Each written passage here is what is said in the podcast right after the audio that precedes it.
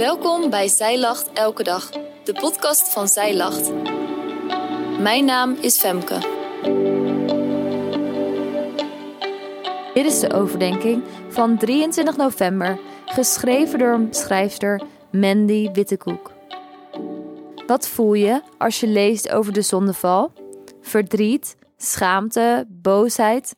Er ging ontzettend veel kapot op die noodlottige dag en niets was meer hetzelfde. Toch zien we hoop, die aanwezig is in de manier waarop God omgaat met Adam en Eva. Hij zorgt en beschermt nog steeds. In Genesis lezen we hoe hij dat doet. De zondeval is de grootste gebeurtenis in de geschiedenis van de mensheid, omdat het betrekking heeft op ieder persoon. Niemand ontkomt aan de gevolgen ervan.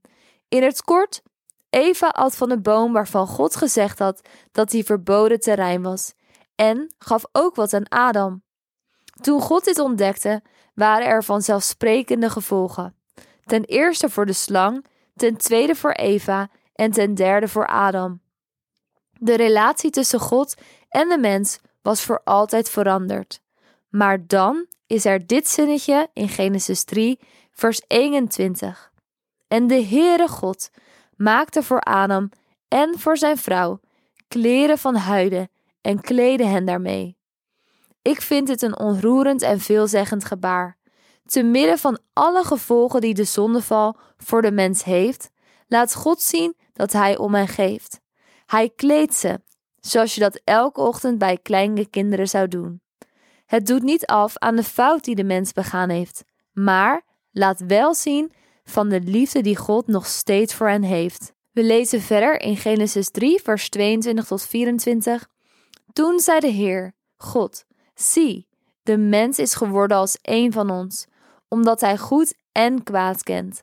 Nu dan, laat hij zijn hand niet uitsteken en ook van de boom des levens nemen en eten, zodat hij eeuwig zou leven. Daarom zond de Heere God hem weg uit de hof van Eden, om de aardbodem te bewerken, waaruit hij genomen was.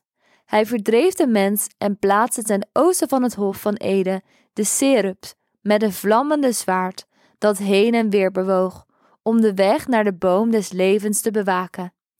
Het lijkt een grote en terechte straf. Adam en Eva worden verbannen uit de hof van Eden en zullen niet meer het perfecte leven van voorheen ervaren. De studiebijbel leert ons dat eeuwig leven in een zondige staat een onverdraaglijke gedachte is voor God. Immers, nadat Adam en Eva van de boom des levens gegeten hadden, wisten zij dat ze moreel slecht waren. De verbanning uit de Hof van Eden is dus niet in de eerste instantie een straf, maar een beschermingsmechanisme. God kan het niet aanzien om de mens voor eeuwig en vol van zonde te laten leven. Dat is waarom Hij hem wegzendt. Zelfs te midden van de zondeval, de ergste keuze die de mens had kunnen maken, is God aanwezig en zorgt Hij. En dat doet Hij nog steeds. Voordat je gaat, Advent start dit jaar op 3 december. Doe jij mee met ons leesplan Samen met Maria? In dit leesplan behandelen we in drie weken het loflied van Maria met prachtige adventskaarten om mooi in huis neer te zetten. Bestel via onze webshop voor 9,95 of doe gratis mee via de blog of podcast. Dankjewel dat jij hebt geluisterd naar de overdenking van vandaag. Wil je de overdenking nalezen? Check dan onze website. Je vindt er ook meer toffe dingen die jou helpen om de Bijbel vaker te openen, zoals boeken, Bijbels, cursussen en evenementen. Morgen ben ik weer bij je terug met een nieuwe overdenking. Tot dan!